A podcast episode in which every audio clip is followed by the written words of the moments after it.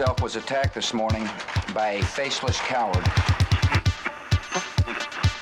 To have had the opportunity to serve the country I love.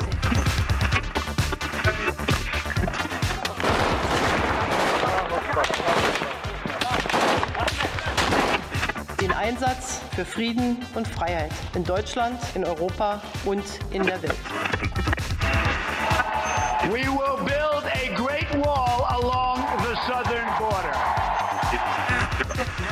beg you, please do not fail on this.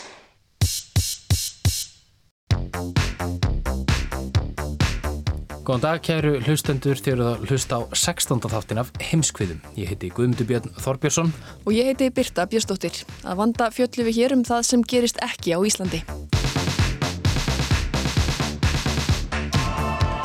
Já, ný vika og ný tíðindi utan úr heimi. Í dag ætlum við að bregða okkur til Ástralju og til Bandaríkana. En eh, næsta sumar þá ákveða demokrater hver verður fórseta efni flokksins fyrir fórsetakostningarnar sem fara fram þar í landi við byrta ætlum að fjalla um svona líklegustu kandidatana e, til þess að reppa hnossið, ekki satt? Jú, akkurat. En við ætlum að byrja hinum meginn á nettinum því að fordamalausir gróðureldar hafa geisað í Ástralíu síðustu vikur og ástæðan fyrir þeir eru fordamalausir er svo að bæði er tímasetningin e, óvennileg, sumarið er rétt að byrja og heitasti og þurrasti tímin er eftir og er framundan. Eh, Halla Ólafsdóttir, fréttamaður, er núna búsett í Sydney og hún hefur fylst með eldónum undanfarnar vikur og ætla núna að segja okkur frá.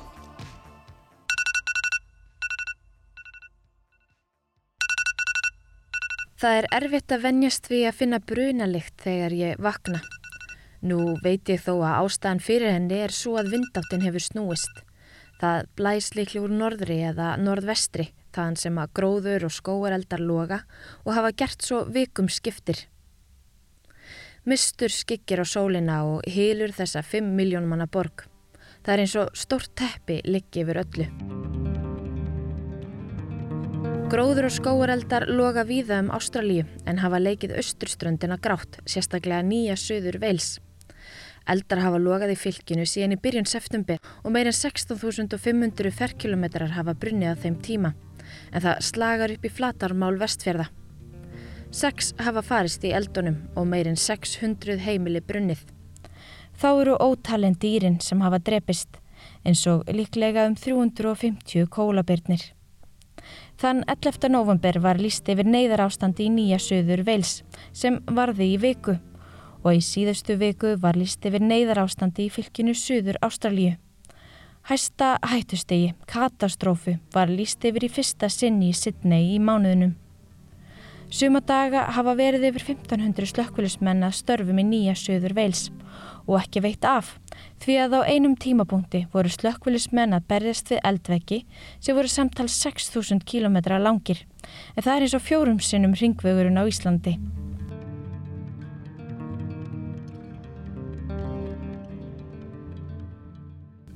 Það fyrsta sem margir íbúar Ástralíu gera þegar þeir vakna á mornana er að skoða appið Fires Near Me eða eldar í nágrinni við mig. Nú loga um 150 eldar í nýja söður veils. Það voru þó yngir eldar á leiðin að hitta íslensk hjón sem hafa orði fyrir beinum áhrifum af eldunum. Turn right onto Tata Place, then you will arrive at your destination. Ég heiti Sigmundur Valgersson og við erum stætt hérna í litlu þorpi um 300 km fyrir norðan Sydney sem heitir Tinoni og uh, við hjónin fluttum frá Sydney hinga fyrir þrei mánu síðan og höfum verið hér. Það er heitt í Tinoni, yfir 30 stig og ekki komið hádegi. Það leikur mistur yfir bænum og brunalikt. Var urðuð þannig aðstæða núna fyrir tvei mikil síðan að það er búið að vera gífurlega þurkar og engin rigning. Og svo í ómennalega kom gífurlega híti þannig að hítasti hérna fór upp í 38 stíð og síðan er það sem skeður að það kemur upp vindur, sterkur vindur. Og svo kveik, kveiknar í skóginum og eldurum breyðist mjög hratt út en er drifin af vindinu. Þar sem bærin virtist ekki vera í hættu þennan förstu dag, heldu Simmi og kona hans Sippa ferða á allunum sínum en þau voru leið til Sydney.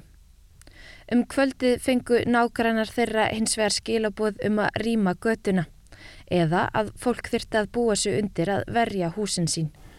Því að vindunum hafði breyst um kvöldið í, í norðanátt mm -hmm.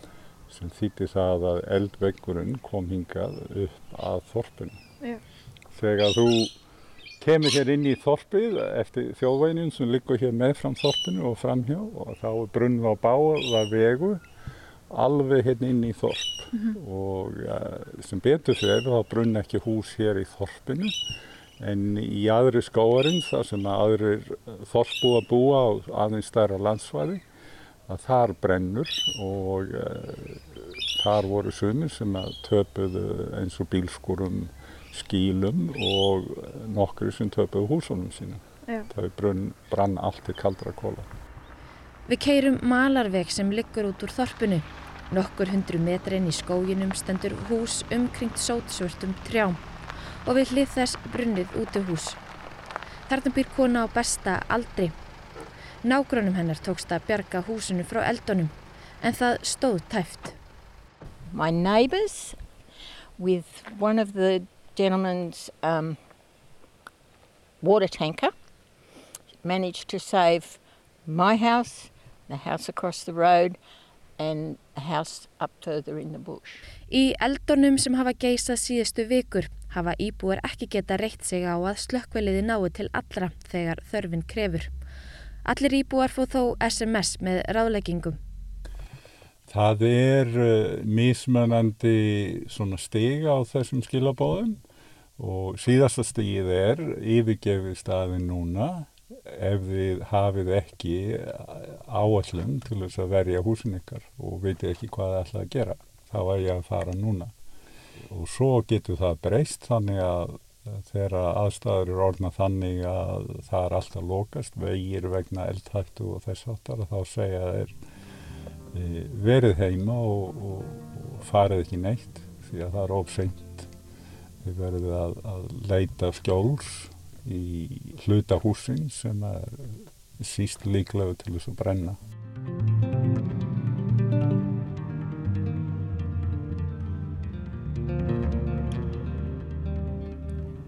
Við þessa sömu götu heitti við mann sem misti allt. Jú, hann var treyður en í 17 ár sapnaði hann munum og nostraði við húsið og gardin. Þannig tjón fæst ekki bætt. Hann rótaði í brunarústónum í veikri vonum að finna eitthvað heillegt. Saga Tinóni er ekkit einstæmi. Norðalega í nýja söður veils er til dæmis lítið þorp sem heitir Nimboita. Það fór illa úti sama dag á húsin brunnu í Tinóni. Í Nimboita býr eða reyndar bjó síjan Bróterik Þar sem nýja Suðurveils er áttasinum stærri en Ísland og um 8 klukkustunda axtur til um bóita, ringi ég í síjan á Skype. Hello, how are you? Good, how are you? I'm good, thank you. Kvöldu sem síjan ætlaði að halda upp á 18 ára afmæli sitt, brann heimili hennar til grunna. Húsið sem hún bjó í með fjölskyldu sinni og hafði búið í alla sína æfi. we got a we got a message from the rural fire service, mm-hmm. a text message, and that was an evacuation warning. So that we got that around 9:30 a.m. and then um, so we started packing up our things, and we saw this massive glow coming over the hill. Fjölskylda síðan fekk skilabóðum að rýma húsið að morgni 8. november. Á meðan fjölskyldan pakkaði niður nöðsunum sáu þau bjarman af eldrinum nálgast.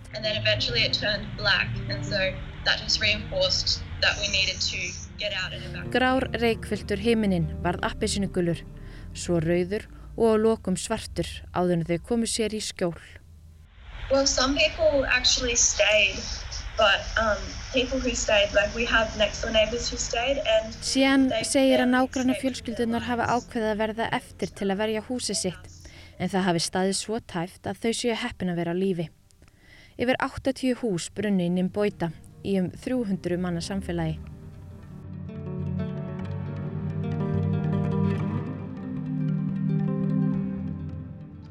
We've had, um, we've had small bushfires but um, this one is like un, is unlike anything anyone's ever seen. All the old families Engin hefur séð annað eins, segir they've- Hvorki fólk sem hefur búið þarna like lengi nýja like En þau eru þó vön skóareldum, bara mun minni. Já, skóareldar eru ástralum ekki ókunnegir. Þeir eru hluti af sögu landsins, nöðsynleir vistkerfinu og tíðir löngu áður en Evropabúar settu stað í Ástralíu. Gróðureldarnir sem hafa geisað í Ástralíu síðustu vikur skera sig úr og þeir passa við spár vísendamanna um áhrif lofslagsbreytinga. Aðeins tvö ára af síðustu 50 hefur starra landsvæði í nýja söður veils brunnið og það eru enn fimm vikur eftir af árinu og eldarnir eru snemma á ferðinni, það er varla komið sumar. Þeir eru drifnir áfram af fordamölusum hita og þurki sem hefur einst mikil þólraun út af fyrir sig. Víða í nýja söður veils hefur aldrei ringt jafn lítið og síðustu 32 mánuði og hitamet hafa ítrekka verið slegin. Því kviknar jafnvel í á stöðum sem hafa aldrei brunnið áður, eins og í regnskóum.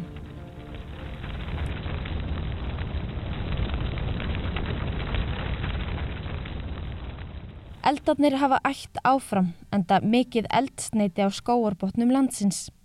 Á ferð með simma um tín og ný sést hvernig stopnar trjána hafa brunnið en ekki alltaf löfkrónan. Í tímans rás sapnast þygt lag af sprekum, löfblöðum og öðru góðu eldsneiti á skóarbotnin og brennur vel þegar eldur kemst í hann. Hvað þá þegar hann er jafn þurr og nú? Í sögu Ástralíu léttu náttúrulegir brunar sem á skipulagðir brunar frumbyggja á þessum uppsapnaða eldi við og eftir að Evrópabúar settu stað í Ástralíu myndaðist áframhaldandi hefð fyrir því að brenna skóana. En undanfarin ár hafa ymsar ástæðir staði í vegi fyrir þessum skipulagðu brunum og því hefur náttúrulegt eldsneiti skóarbotnana hlaðist upp svo árum skiptir.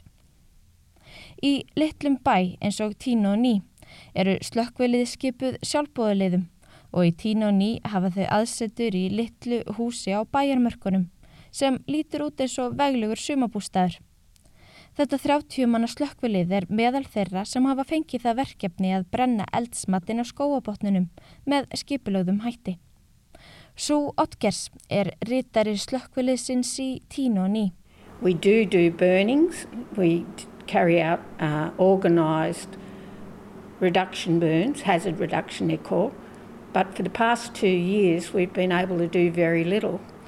One of the Sú reasons segir að slökkviliðið reyna að brenna skóarbotnin en að þau séu sjálfbóðaliðar og því aðeins hægt um helgar. Þá má hvorki vera of heitt niður of kvast. Slökkviliðinu hefur því ekki tekist að ráðast í skipulagða bruna í tvö ár. Sömu sögum og heyra víðar. Vegna þurka, hita og vinda hefur örugum aðstæðum fyrir bruna fækkað.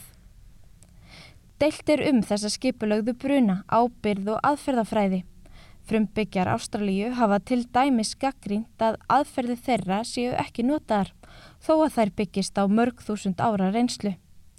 Þá hefur flokki græningja verið kent um að vera á móti skipulögðum eldum. If we use a broad term for greenie, Um, and we include the scientists and the ecologists that actually work Jess Koch er umhverfisfræðingur sem starfar fyrir nýja söður vels. Hún segir að í víðri skilgreiningu á græningum sem gæti jafnframt nátt til vísindamann og vistfræðinga séu græningjar fylgjandi skipulöðum brunum bæði fyrir vistkerfið og til að draga úr hættu. It comes down to firstly the physical conditions that we've just that prevent us from being able to do that. Aðstæður kom í veg fyrir skipulagða bruna. Langvarandi þurkar, hiti og hvassviðri árið um kring, en líka skortur og fjármagni og stuðningi. Sá þáttur sé undir ráðandi pólitískum flokkum komin og græningjar teljast ekki til þeirra. So, um, and that's controlled by the political party in power at the time, which isn't the Greens. Það eru fleiri vandamál sem fylgja því að skóar og gróðureldatímabilið í Ástralíu hefst fyrr en áður. Það er ljóst að lítið slökkvilið skipað 30 sjálfbóðaliðum eins og í Tinóni berst ekki eitt við elda eins og þá sem brendu þar viðfæðma skóga, hús og allt sem þeir tegðu sig í. Slökkvilið hjálpa stað og koma frá öðrum fylgjum landsins og jafnvel öðrum löndum. Í 20 ár hefur myndast hefð fyrir því að Kalifornia og Ástralja og Nýjasjáland samnýti tæki og mannabla til að berjast við árstíðabundna skóarelda. Nú loga hins vegar eldar í Kaliforníu og Ástralja á sama tíma. Ástralar hjálpa vist ekki Kaliforníu búum þegar þeir reyna að björga eigin skinni. Ástralar standa frammi fyrir miklum áskorónum ef eldatíð eins og þessi er það sem koma skal. Sían Bróðrik frá Nimboita sem misti æsku heimili sitt í eldunum segist hafa fundið fyrir miklum samhug og stuðningi almennings. Það upplifi hún þó ekki frá stjórnvöldum. Um.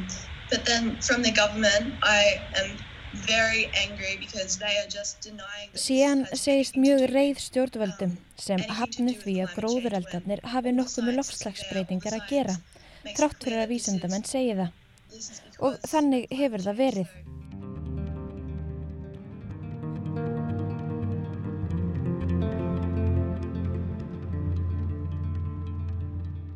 Í ríkistjórn Ástrala sitja frjálslindir og þjóðurni sinnar. Fórista sem hefur ítrekka verið gaggrínt fyrir að styrkja jarðafna elsneitisvinnslu, orku veru fyrir aðgerðarleysi í lofslagsmálum. Og þrátt fyrir orð vísindamanna og spálíkönum að lofslagsbreytingar eigi þátt í auknu umfangi og lengra tímabili gróður og skóuraldana, hefur ríkistjórnin ekki viljað tjá sig um tengslinn. Það þykja ekki tímabært þegar huga þurfi að þörfum slökkvölusmanna og þeirra sem eiga um sárt að binda. Scott Morrison, fórsetisráðara, sendi þeim til dæmis góðar hugsanir og bænir. Síðan segir að það sé almennings að senda góðar hugsanir og bænir en ekki fórsetisráðara sem hafi völdin til að grípa til aðgerða.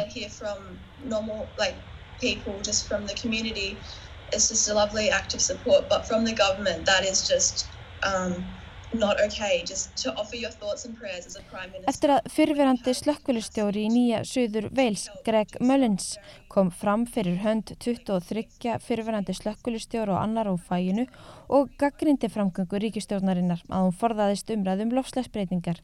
Tjáði fórsetisráðunan sig loksins um málið. Mullins sagði í fjölmiðlum að þessi 23 manna hópur hefði árum saman hort á gróðurelda eblast vegna lofslagsbreytinga. And all of us have seen conditions change over the years, supercharging the bushfire problem, and it's all down to climate change. Mullins sagði að þar sem ríkistjórnin forðist umræðu um lofslagsbreytingar hafi faglega ráðleggingar hópsins verið virtara vettugi en síðan í apríl hafi hópurinn kallað eftir fundi með fósættisráþara til að ræða þá hamfara tíð sem væri fyrirsjáanleg. En ekkert svar fengið. Þegar Morrison svaraði Mullins í ríkisúttarpunu ABC var það svo á þá leið að hann hefði verið búin að fá þessar upplýsingar.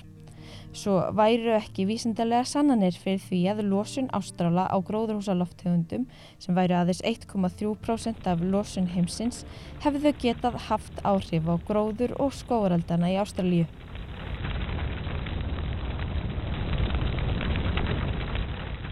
Það er vissuleg ekki hægt að kenna lofslagsbreytingum einum og sér um skóreldana og eldur þarf að kvikna sem hann reyndar gerur oftast af mannavöldum hvort sem það er af ásetningi eða ekki.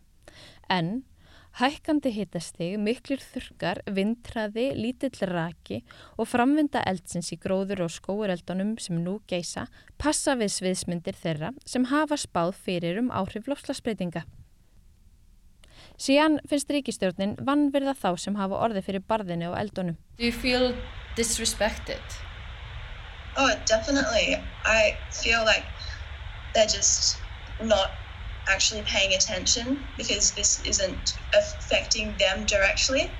Þótt fósættisráðurinn hafi eftirvill ekki fundi fyrir beinum áhrifum lofslagsbreytinga, þá hafa margir ástalar gerta.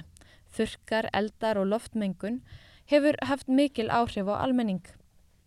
En svo er ekkit víst að reynsla fólks hafi þau áhrif á fólk að það kjósi ráðamenn sem setja lofslagsbreytingar á öttin. Það sérkjönlega við það að skoðana kannar hér uh, sína um 70-80% ástrala uh, eru alveg á því að það eru lofslagsbreytingar að skeið sem eru á mannavöldum.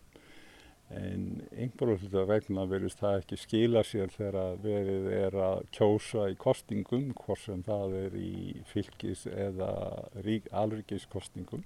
Simmi bindur vonir við unga fólkið og nýja kynnslóð kjósenda. Sían Bróðurik sem við höfum heyrti í nokkrum sinnum var að ljúka við grunnskóla og hefur farið fyrir skólamótmælum á föstudögum í nákvæmlega við heimabæsin Nimbóita. Hún er afdráttalus í kröfu mótmælanda til stjórnvalda. Well, I, we want to demand that the government takes drastic climate action as they've been warned, um, that they start listening Þau vilja að stjórnvöld bregðist við lofstasbreytingum á afgerandi hátt, að þau hlusti á viðvaranir fyrirverandi slökkulismanna sem hafa óskað eftir fundi með fósættisræðaranum síðan í apríl. Þau vilja stjórnvöld hlusta á vísindinum að lofstasbreytingar gerir skóareldana verri og að hlusta verða á frumbyggja landsins sem hafi varað við þessu.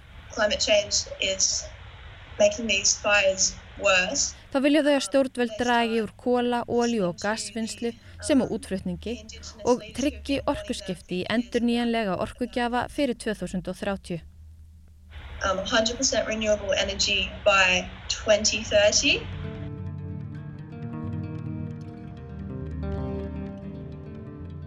Þar sem Scott Morrison, fósætisráðara, hefur gaggrínt mótmæla skró barna sem berjast fyrir framtíðsynni ofinberlega, er ekki líklegt að hann hlusti á kröfur þeirra en erfitt að spá fyrir um hvort stjórnvöld halda sínu streki í aðgerraleysi í lofslagsmálum.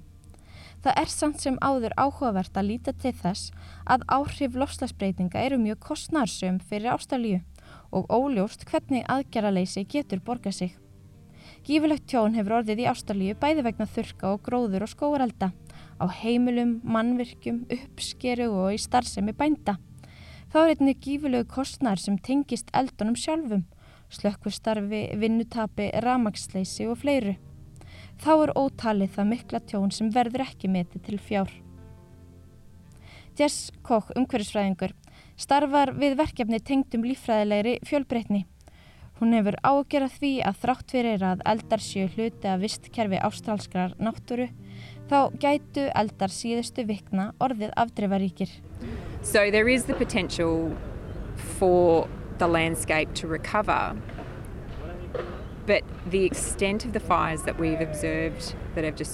Jess segir að þótt landið geti náð sér eftir þessa víðáttu miklu elda en það er gert það í gegnum tíðina. Þá séu aðstæður öðruvísi nú. Nú séu jafnvel heilu skóarnir brunnir, en áður fyrir hafi jafnan lítil svæði brunnið í einu og innan um óbrend svæði sem hafi hjálpað þeim brendu að endur nýja sig. Það gæti því reynst tegundum erfitt að flytja sig aftur inn á brunnin svæði. Það skorti tenginguna við þau óbrunnu to be able to, uh, for those successional species to integrate and migrate into the burnt areas. Svo geti endur nýjan reynst erfið ef ekki rignir. Also, we need rain. We need rain to come through and also to stimulate that regeneration. Ástralar standa frammi fyrir breyttum veruleika ef eldarnir í november eru það sem koma skal. Sían kvíðir sumrunu. oh, it's just terrifying to know that it's not even summer yet and we're not even in bushfire season and this is these devastating um, events have already happened and scientists are predicting that the worst is yet to come. It's certainly not over. No, we're still at the beginning of the season. Um, there is still potential Þessu er langt frá því að vera lokið, segir Jess. Nú er upphaf brunatímabilsins. Það er enn möguleiki á því að eldar kvikni á ný. Það þarf mikla rigningar til að snúa þessu við og þeim er ekki spáð fyrir í februar á næsta ári. Good rain is not forecast until February next year.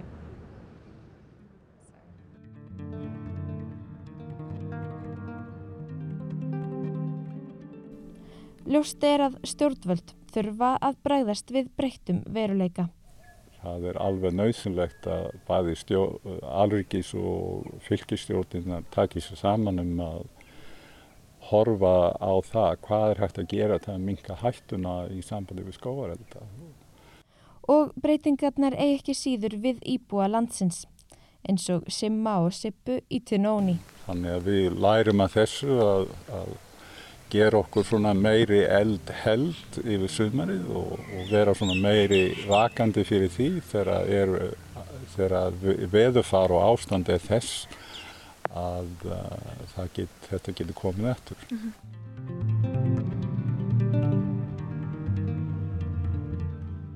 maður reynsar í kringum húsið, gerir vasslöngur, klárar, er með ramasmótur ef maður hefur ekkert ramagn svo maður getur knúið vastalurnar við vasthangarna sína og þar frá myndi. Mér er sér að setja sokka fulla sandi í rennurnar til að fylla þær að vatni til þess að verjast neistaflugi innundi þakkið og svo er maður með stiga til þess að geta hlaupið upp á þakk ef það skildi kveikn einhver staðar í.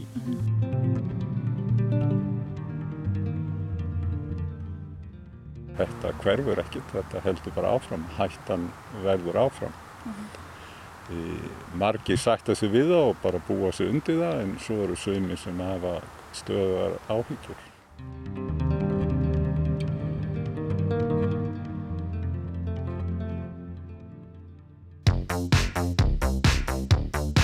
Við þökkum Höllu Ólafsdóttur okkar konu í Ástralíu fyrir umfjöllunum þetta áhugaverðanum leið sorglega og daburlega mál og frá brennandi skóum Ástralíu höldum við yfir haf eða ætti kannski að segja yfir höf allarleið til bandaríkina.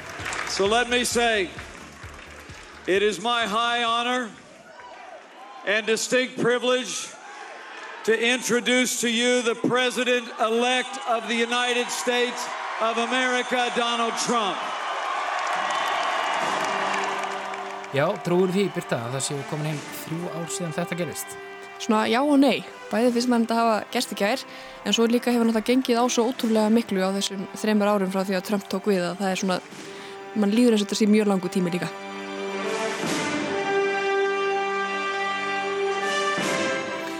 Það eru emitt þrjú ár síðan hinn litriki umdeldi og óútryknilegi Donald Trump varð fósiti bandaríkjana og ég held að sé alveg óhægt að segja Birta, að það hefur líklega aldrei verið döðstund í kvítahúsinu þessi þrjú ár, hann var ekki búin að vera ári ennbætti þegar bókin Fire and Fury eftir Michael Wolff kom út sem mörg okkar mun eftir. Hún svona lísti þessu fyrsta ári hans í ennbætti eh, margar frásagnir bókarinnar voru bara hreint með ólíkindum, vöktu furðum margra komu öðrum, já, ekki á óvart og það væri hreint bara, já, ágerningur að, að fara yfir fórsetta tíð Donald Trump í heimskuðum og þess að teppa bara hreinlega alla línulega dagskrá rása reitt fram á mitt næsta ár og það er ekki ætlurinn hér.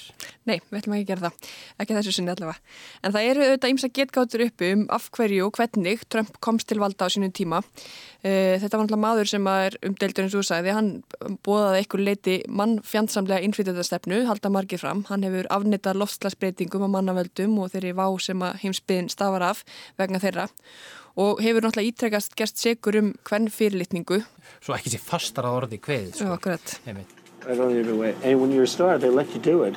You can do anything. Whatever you want. Grab them by the pussy en, en svona einn skýringin að því sko hvers vegna Trump uh, komst til valda og var kosin og svo að, að demokrater hafi einfallega, þeim hafi einfallega mistekist að finna nægilega sterkar frambjóðanda sem að kjósundur gáttu saminast um og það hafi bara ekki verið um auðvan garda gresja. Demokrata megin borsins eh, Hillary Clinton var þarna í frambóði gegn honum og, og já, hún bara ekki sigur úr býtum og, og, og það er kannski verðt að reyfi upp orð slóanska hinsbyggingsins Slavoj Zizek sem sagði í aðdraðanda kostningarna 2016 að ef hann veri bandarækjamaður þá myndi hann kjósa Trump.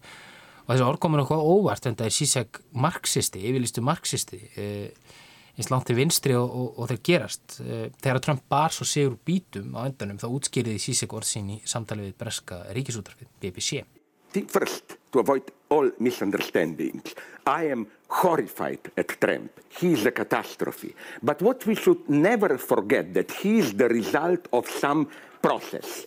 And to cut a long story short, this process is the disintegration, the failure of left democratic establishment. Hann er raunin að segja, sko, ok, Trump er hræðilegt val en Hillary Clinton og þetta sem að vinstrið eða liberals, eins og segja, eh, buðu fram, það var einfallega bara litlu skarra og, og hans vonir svona síseg þar að segja stóði til að, að núna hefðu demokrátar fjögur ár til þess að kokka fram einhvern frambjónda sem eitthvað varið væri í og, og geti þar að leiðandi veld Trump úr sessi. Og nú eru liðin þessi, já, allavega þrjú ár síðan að síðasta kostningabaróta fór fram og Trump vann. Uh, hefur þetta tekist á demokrátum að finna sterkan kandidat? Já, það er allavega það sem við ætlum að reyna að komast til bossið í dag.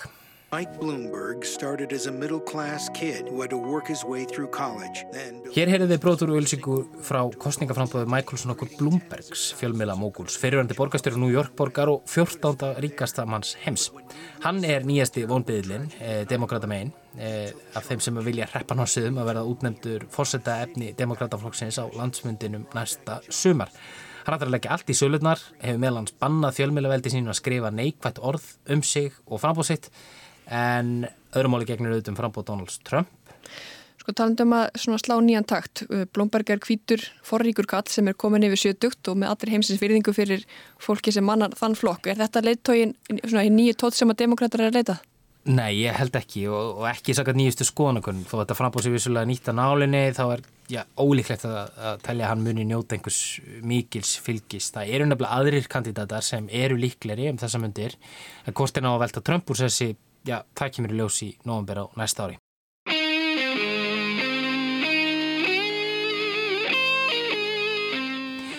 En áðurum við höfum lengra á fjöllum um þessar vonarstjórnur demokrata flokksins. Eh, Birta, getur þú satt mér eitthvað um sko, fyrirkomulega kostningana sjálfra og, og, og þetta blessaða forval sem allt snýst núna um?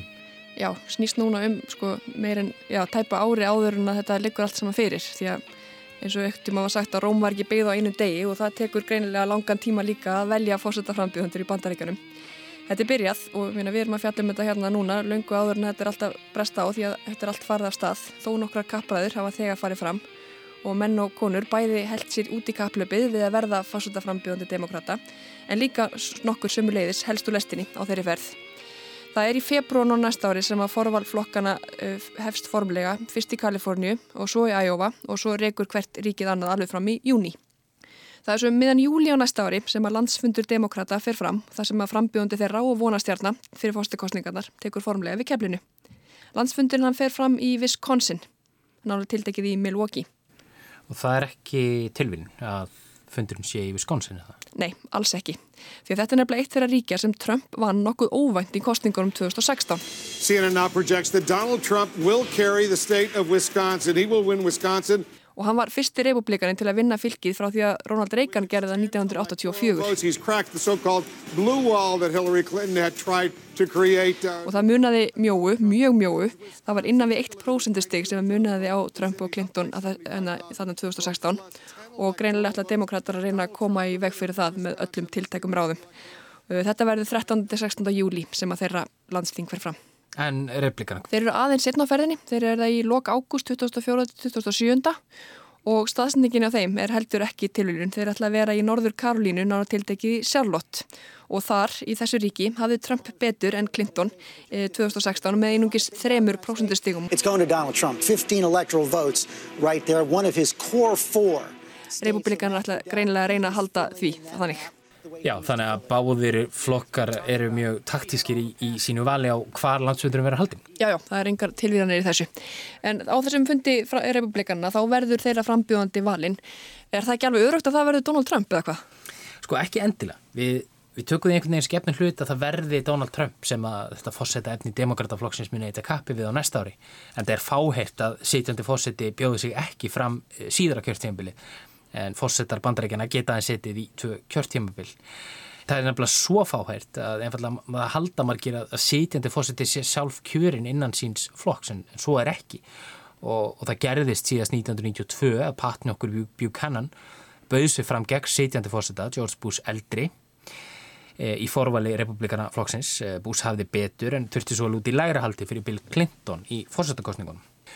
Og núna eru tölveri líkur á því að Trump fái mótframbúð úr einn flokki. E, tveir mennur nefndir þessu samingi, Bill Weld og Joe Walsh, þetta er nöpp sem fæstir kannast við, en þeir ætla að taka slægin og bjóða Trump byrgin.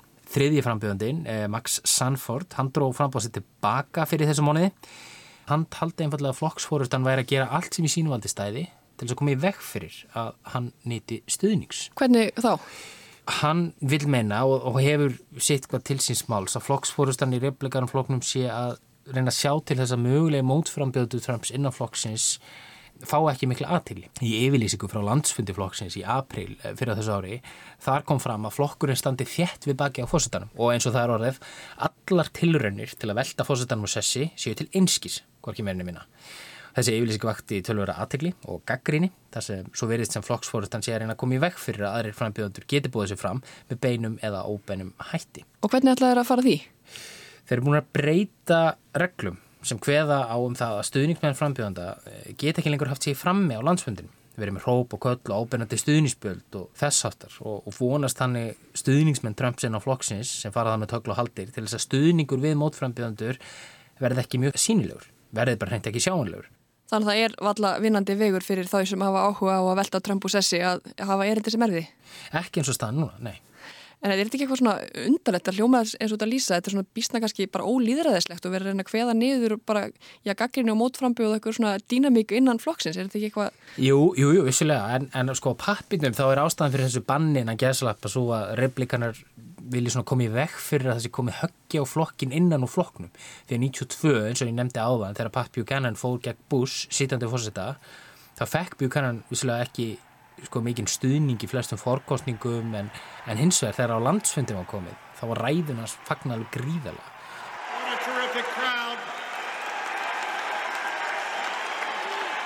Það er svona talið að þetta hafi mögulega haft áhrif á nýðustuður fórstökkostningarna síðan árið þessum Bush beigði leðrahaldi fyrir Clinton. What a terrific crowd this is. What a terrific crowd Þannig að svona flokksfórustan vil koma í vekk fyrir að þetta gerist. Það er eina svona styrkja stöðun og svona, hvað segir maður, samin á hópin og, Já, og svona, allir standi saman og fylgir sér bak við einhvern einn. Emitt og það sé ekki sko veikleik, sínlegu veikleik á flokknum. Akkurat, en þessi tvei gaurar sem þú nefndir hérna, þessi Weld og Walls sem eru líklega til að bjóða fram krafta sína gegn Trump. Ega þeir eitthvað möguleika og hvaða gaurar er þetta? Nei, sko, eins og stann núna þá er ekkert að segja þeir eru miklu möguleika. Weld þessi, hann er sannlega rétt um aldri, hann er 74 ára og hann var svona svo fyrsti til að stíga fram og bjóða Trump-byrgin. Það þykir svona mjög umdeltur inn á flokksins en það er mjög frjálslendur í hugsun og það hefur gaggrínt Trump ítrekkað ofinbeglega. So I really think if we have six more years of the same stuff we've had out of the White House the last two years, that would be a, a political tragedy. Hann sagði til dæmis að hann myndi einfallega bara skammast sín ef hann myndi ekki stíga fram á þessum tímpunktu og taka slægin. I would fear for the Republic, so I, I Það mati harðlínu republikana er uh, veld helst til líkur demokrautum. Hann er til dæmis fylgjandi því að þungunarof sé ávalt frjálst valkvenna, hefur kallað eftir ímri lagarama í málefnum innflytjenda. Hann er hlindu hjónaböndum samkynneðra, þetta eru svona stef sem við heyrum kannski meira úr ranni demokrata en þessi Walls hins vegar, hann er öllu yngri, 57 ára og nokkuð ólíkur, ólíkur veld. Hann, hann var dingmaður uh, fyrir Illinois og meðal hans meðlumir í Tepos-hreyfingunni umdeldum. Nún er hann útars uh, maður, þáttastjórnandi umdeld, svona útars spjallþáttar í Chicago þar sem hann gaggrínir Trump harlega. Hann er eiginlega alveg hinum einu ástum. Hann er sko, ef eitthvað er íhaldsamari heldur en, uh, já, Trump og segir bara Trump ekki vera sannan íhaldsmann. We have someone in the White House who we all know is unfit. Someone who lies virtually every time he opens his mouth. Hann er meðal annars mikill stuðnismæður Ísraels ríkis, algjör anstæðingur, þungunarofs og, og hefur meðal annars líst yfir stuðningi við sjálfa Marine Le Pen í Fraklandi. Þannig að svona þessir menn, já, geta ekki tali, talist líklegir til þess að velta Trump úr sessi þannig að öllum líkindum þá, þá verður það Trump sem verður í eldlínni næsta höst og, og, og að keppinundur hans komur rauðum demokrata, ekki replikana. Er það ekki bara verðt að spyrja hvaða fólk er þetta sem að vil veita Trump samkeppni úr demokratafloknum og freista þess að ná af honum fórsönda ennbættinu? Já, eins og staðan núna þá er þetta átján frambjöðundur uh, sem sækjast eftir útnefningunni. Þessi tala breytist hratt þegar hafa margir tilgjöndum frambóð en margir líka dreyðið tilbaka. Svo við ákvæmum hérna í dag að fjalla um þau sem að mælast hæst í skoðanakönnum og virðast svona einhvern veginn að hafa raunhafa möguleika á því að mæta republikunum hérna, og veita þeim samkeppni næsta haust. Ef þú ekki bara byrja á aldursfórsöndunum? Jú, er það ekki svona við hæfi? Hi, I'm Bernie Sanders og það er Bernie Sanders sem við könnumst nú flest við. Hann ætla núna í annað skiptið í rauð að frista þess að verða fósættaframbjóðandi demokrata. Aldursfósættin já, hvað er Bernie Sanders gammal? Hann er fættur árið 1941 og er því 78 ára. Þegar Donald Trump tók við ennbættinu á sínum tíma þá var hann elsti maðurinn til að sverja ennbættiseiðin í sögu bandaríkjana og hann var 70. Þannig að verði Bernie Sanders næsti fórstu bandaríkjana þá slæðir hann það með hressilega.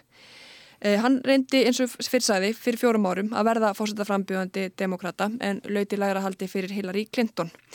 Bernie Sanders hann hefur markað sér spór sem svona óháður stjórnmálamadur.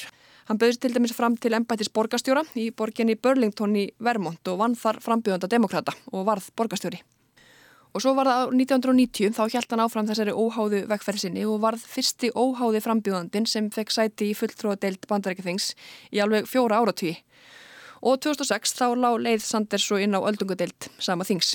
En er hann óháður eða þú veist í, í þessum fórsetakostningum núna eða er hann, er hann að bjóða sig undir eh, merkjum demokrata? Hvernig virkar þetta eiginlega? Það er mjög góð spurning. Hann er í rauninni sko óháður öldungadeilda þingmaður en hann býður sig fram undir merkjum demokrata og þessi óháða vegferð sem hann hefur verið á, hún hefur verið svolítið til umræðu og fyrir frambúðans núna, fyrir kostningarna 2020, þá varð Sanders að skrifa undir plagg þess efnis að hann væri að bjóði sig fram undir merkjum demokrataflokksins og ef að hann erði kjörinn, þá myndi hann starfa í umbóði flokksins. We are prepared to stand together, there is no end to what the great people of our nation... En hann er semst elstur, en þú kynnti þér Guðmund Björn yngsta frambjóðandan. Hver er það?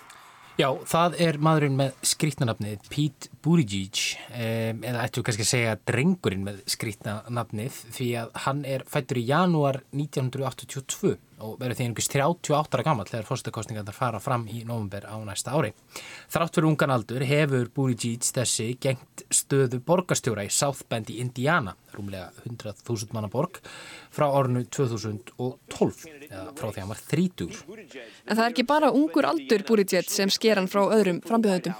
He's the youngest candidate and the first openly gay one, but he says it's not about winning a race, it's about winning an era. Þarna heyrðu við þrettamann ABC sjómastöðunar greina frá þeirri ákvörun Buttigieg að sækjast eftir því að verða fósetta efni flokksins fyrir á þessu ári. Og eins og glöggir hlustendur tóka eftir er hann samkynneður og er þið hann fyrsti fósettin í sugunni sem er ofinbeglega samkynneður.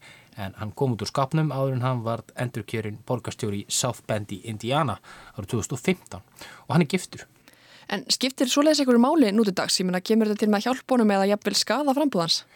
Um það eru skipta skoðanir vestanafs. Hann fær sko vissulega stuðning og fylgi svona frá frálslindum, kjósundum en það er ólíklegt að kynnið hans komi til með hjálpunum eitthvað sérstaklega í slagnum við Trump og kjósundur republikanaflokksins verði hann útnemdur fórsetæfni demokrata þá hefur hún sumleis gengið illa að ávinna sér stuðning svartra í bandaríkanum. Einhverjir telja það vera vegna þess að sögulega séð er mikil andstaða gegn hjónabundu sanginheira í kirkjum svartra vestanhafs þótt það sé vissulega aðbreytast.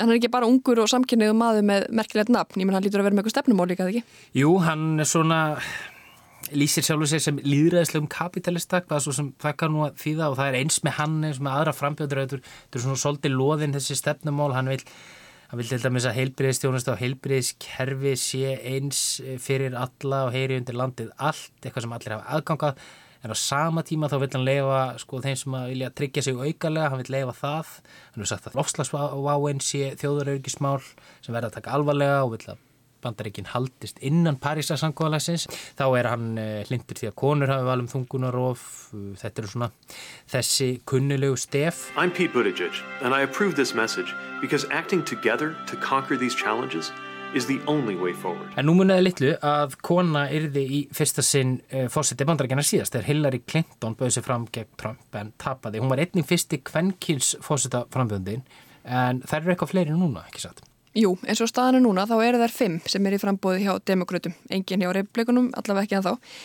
Ein, og eins og kalla megin þá ber auðvitað meira á sumum þeirra en öðrum og einn þeirra sem ber hvað mest á er þessi hér. We're here now with Senator Kamala Harris. Do you have an announcement you'd like to make? I am running for president of the United States. Well, and, and I'm very excited about it. I'm very excited about it. Eh, Mamminar, hún var vísindamadur sem að sérhæðis í rannsókum á brjóstakrafminni Kvenna og faðirinnar, hann var prófessor í hagfræði við Stanford Háskólan. Oh, I would say my first and forever hero uh, was my mother. Þarna sagði Kamala Harris aðspurðum hver var í hetjan hennar lífi, það er mamma, fyrsta og aðal hetjan í mínu lífi. Og svo staðrenda móðir Harris er indversk og faðirinnar frá Jamaica hefur verið tilherminn til að kalla Harris brautriðjanda á ýmsum sviðum. Þetta er svona orð sem kemur fyrir í allri umfyllunum hana. Hún var til að mynda fyrsti hörundstökki ríkisaksóknar í Kaliforníuríkis árið 2010 og líka fyrsti hörundstökki öldungadeildaþingmaður Kaliforníu 2016. Hún starfaði áður sem lögfræðingur og situr núna í domsmálanemnd öldungadeildarinnar. Hún var meðal annars mjög áberandi í yfirreslum nefndarinnar yfir Brett Kavanaugh sem að síðar var skipaður hæstaréttudómari. So I'm going to ask you one last time. Are you willing to ask the White House to authorize the FBI to investigate the claims that have been made against you? Well, I'll do whatever the committee wants, of So, course. and I've heard you say that, but The I've not, witness I've not heard statements- you ask. I've not heard you answer a very specific. Yfirskrift kostningabaratu Kamala Harris er For the People eða fyrir fólkið. Og í fyrstu kappræðum frambjöðanda demokratana sem sjónvarpa var þá sagði Harris meðal annars, það sem þau voru svona takast öll á í sjónvarsal, að bandarískur almenningur hefði engan áhuga á að horfa á matarslag frambjöðanda. Hún sagði bara að fólk vildi vita hvernig frambjöðendur ætli að tryggja að allir í landinu hafi í sig og á. Hey guys, you know what? America does not want to witness a food fight. They want to know how we're going to put food on their table. Og eins og þarna heyrðist þá uppskar hún dundrandi lóatak og meðal þeirra sem að klöppuðu hvað ákavast fyrir henni var mótframbjóðandin Joe Biden. Já, taland um Joe Biden, er hann ekki einmitt sá frambjóðandi demokrata sem hefur farið hvað mest fyrir? Jú, hann er auðvitað þekktur fyrir pólitískum störfum en hann, það handla kannski aðalega vegna þessara rannsóknar á meintum embættisglöpum Donald Trump í samskiptum við stjórnvöldi í Úkrænu. Eh, Þar kemur Joe Biden á það talsveitasögu og ekki síst kannski svonur hans líka. Einmitt, við höfum nú fjallað um þetta mál í heimskviðum og bendum hlustendum á umfjöllun Bjarnar Petrus Jónssonar um það mál í nýjunda þætti heimskviðina. Ef að Joe Biden verður frambjóðandi demokrata þá má alveg gefa sér hver tónnin í eh, kostningabaróttunni verður. Það er að segja kostningabaróttu Trumps og það verður líklega mjög sam, samskonar og tónnin sem hann kerði á í gegn Hillary Clinton á sínum tíma. Því að kostningabarótta hans gegn náttúrulega mjög miklu leiti út á það hvað Clinton var í spilt. As I say, crooked Hillary, crooked Hillary,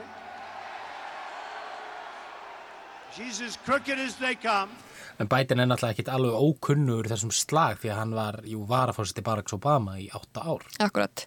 En demokraternar eru náttúrulega núna í þessum svona innanhúslag. Þeir eru ekki eins og byrjaðir svona að fullum þunga beina spjótunum gegn Donald Trump uh, og sáframbjóðandi sem að Joe Biden svona sækist hva, sækir hvað harðast gegn um þessa myndir er annar demokrati og það er Elizabeth nokkur Warren. Getur ekki sagt mér eitthvað aðeins um hana? Jú, uh, Warren fættist í júni 1949 og stendur því á 70. Hún kemur úr akademíunni, til ekki úr lögfræði. Hún gengdi meðal annars stöðu prófessors í lagadel Texas háskóla og er einnig kent við Harvard. Hún var kosin á bandarska þingið eh, 2012 fyrir Massachusetts og það 9. februar á þessu ári þá tilkynnti hún um að hún heiðist bjóða sig fram sem fósitætni demokrataflokksins í kostningunum á næsta ári. We need to take power in Washington away from the wealthy and well-connected and put it back in the hands of the people where it En þetta er ekki því fyrsta skipti sem að Elizabeth Warren blanda sér í fórstakostningar í bandarækjunum með þannig. Nei, eh, heldur betur ekki, því að í síðustu kostningum þá var hún ötull stuðnismæður Hillary Clinton og þóttum tíma líklega til þess að verða útnefnd varafósitæfni hennar en á endanum var það Tim Kaine sem var fyrir valinu. Og í aldraðanda þeirra kostninga þá fór hún mikinn gegn Donald Trump, kallaði hann óheðarlegan aumingi eða loser, orðalag sem að Trump notar ósjaldan sjálfur um andstæðinga sína. Mjög fullónuslegt þeim bóðum. En allavega, hver er svona helstu stefnumál Elizabeth Warren? Já, hún vil nú bara hvorki meirinn að minna ráðast í svona allsherjar breytingar á bandarísku samfélagi. Færa völdi nær hennu vinnandi manni, burt frá stórfyrirtækjunum og hennum ofsaríku. Hún er svona þekktinnan demokrataflokksins fyrir og stundu gaggrínt fyrir langan lista kostningalóvarða og áallana eins og koma auðlega skatti, lækka skuldir þeirra sem hafa tekið námslán og svo framvegs og hefur svona, já þykir svona svolítið háfleig og hefur til dæmis verið gaggrínt af Joe Biden fyrir að vera bara svona hálfgerður elitisti. Þú sagði nú áðan að hún hefði verið orðaskaki við Trump og kallaðan lúser og annað því um líkt. Þeirra saga og þeirra svona ekkert sérstaklega góðu samskipti, þau ná bísna langt aftur, eða ekki? Jú, uh, samband þeirra, Trumps og Warren er vægasatt stormasat og þetta byrjaði nú allt með því þegar hún bauði sér fram 2012 til, til bandarækjathings þá hvaðst hún vera að hluta til amerískur frumbyggi og, og fór meðal hans í DNA-próf til að sína fram á þetta og þetta reyti nú marga, marga ameríska frumbyggja til reyði og þetta er eitthvað sem Trump hefur ítrekkað gert grínaðinni fyrir og, og kallað hana Pocahontas meðal hans. They're to cover Pocahontas? Who was... Þannig ef að Warren yrði frambjóðandi demokrata þá sæðum við fram á mjög skautlega kostningabarótið eða hvað. Já, uh, vægast sagt. En það eru sem sagt þessir uh, kandidatar sem við höfum nefnt hér, Biden, Sanders, Warren, Harris og hunungi Buttigieg sem eru líklegust eins og sakir standa til að veita Trump eða ef svo ólíklega vill til einhverjum öðrum republikana samkettni næsta höst. Og svo þetta Bloomberg sem þú nefndir í upphafi. Já, en Bloomberg er held ég ekki mikið lók fyrir þessa frambjöður. Hann er vissulega stór efnaður, ætlar að leggja gríðilega fjármunni í kostningabaratuna og þess áttar, en bakland hans innan demokrataflokksins er ekkert sérstaklega tröst. Hann var til dæmis republikani þegar hann var, uh, var, var borgastjóri í New York 2001 og hann bara stendur held ég ekki fyrir þessar breytingar sem að við tölum um áðan sem að hefur verið kallað eftir. Já, hann er svona þessi leiðtói af gamla skólanum og vinnir á gamlu tímana eins og Hillary Clinton verist að hafa gert fyrir þremur árum. En samband þeirra Bloombergs og Trumps er hins vegar mjög skemmtilegt og, og því er þið áhugavert að þeir skildu mætast. Þeir er fallað þól ekki hver annan. Bloomberg stutti Hillary Clinton í síðustu kostningum og gaggriti Trump uh, harkalega.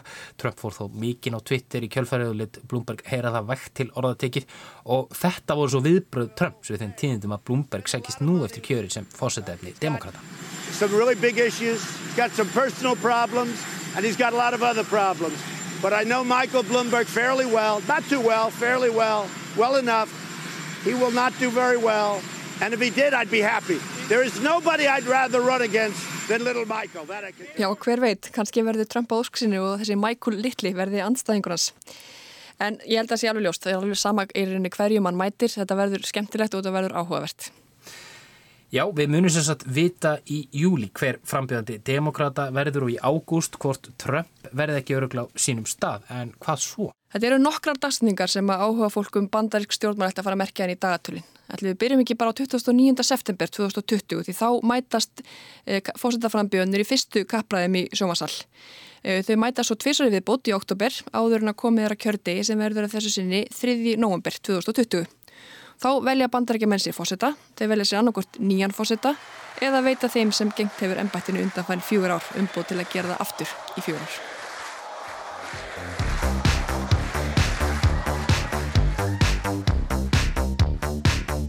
Við munum að sjálfsögðu fjalla meira um fórsetakostningarnar í bandaríkjunum á næstu vikum og mánuðum en heimskuður verð ekki fleiri þessa vikuna. Þátturinn er endurfluttur á lögutaskvöldum á Rás 1 og er aðgengilegur á öllum helstu hlaðvarpsveitum. Og svo er líka þetta að hlusta á þáttin í Rúvappinu eða í spilarunum á Rú.is.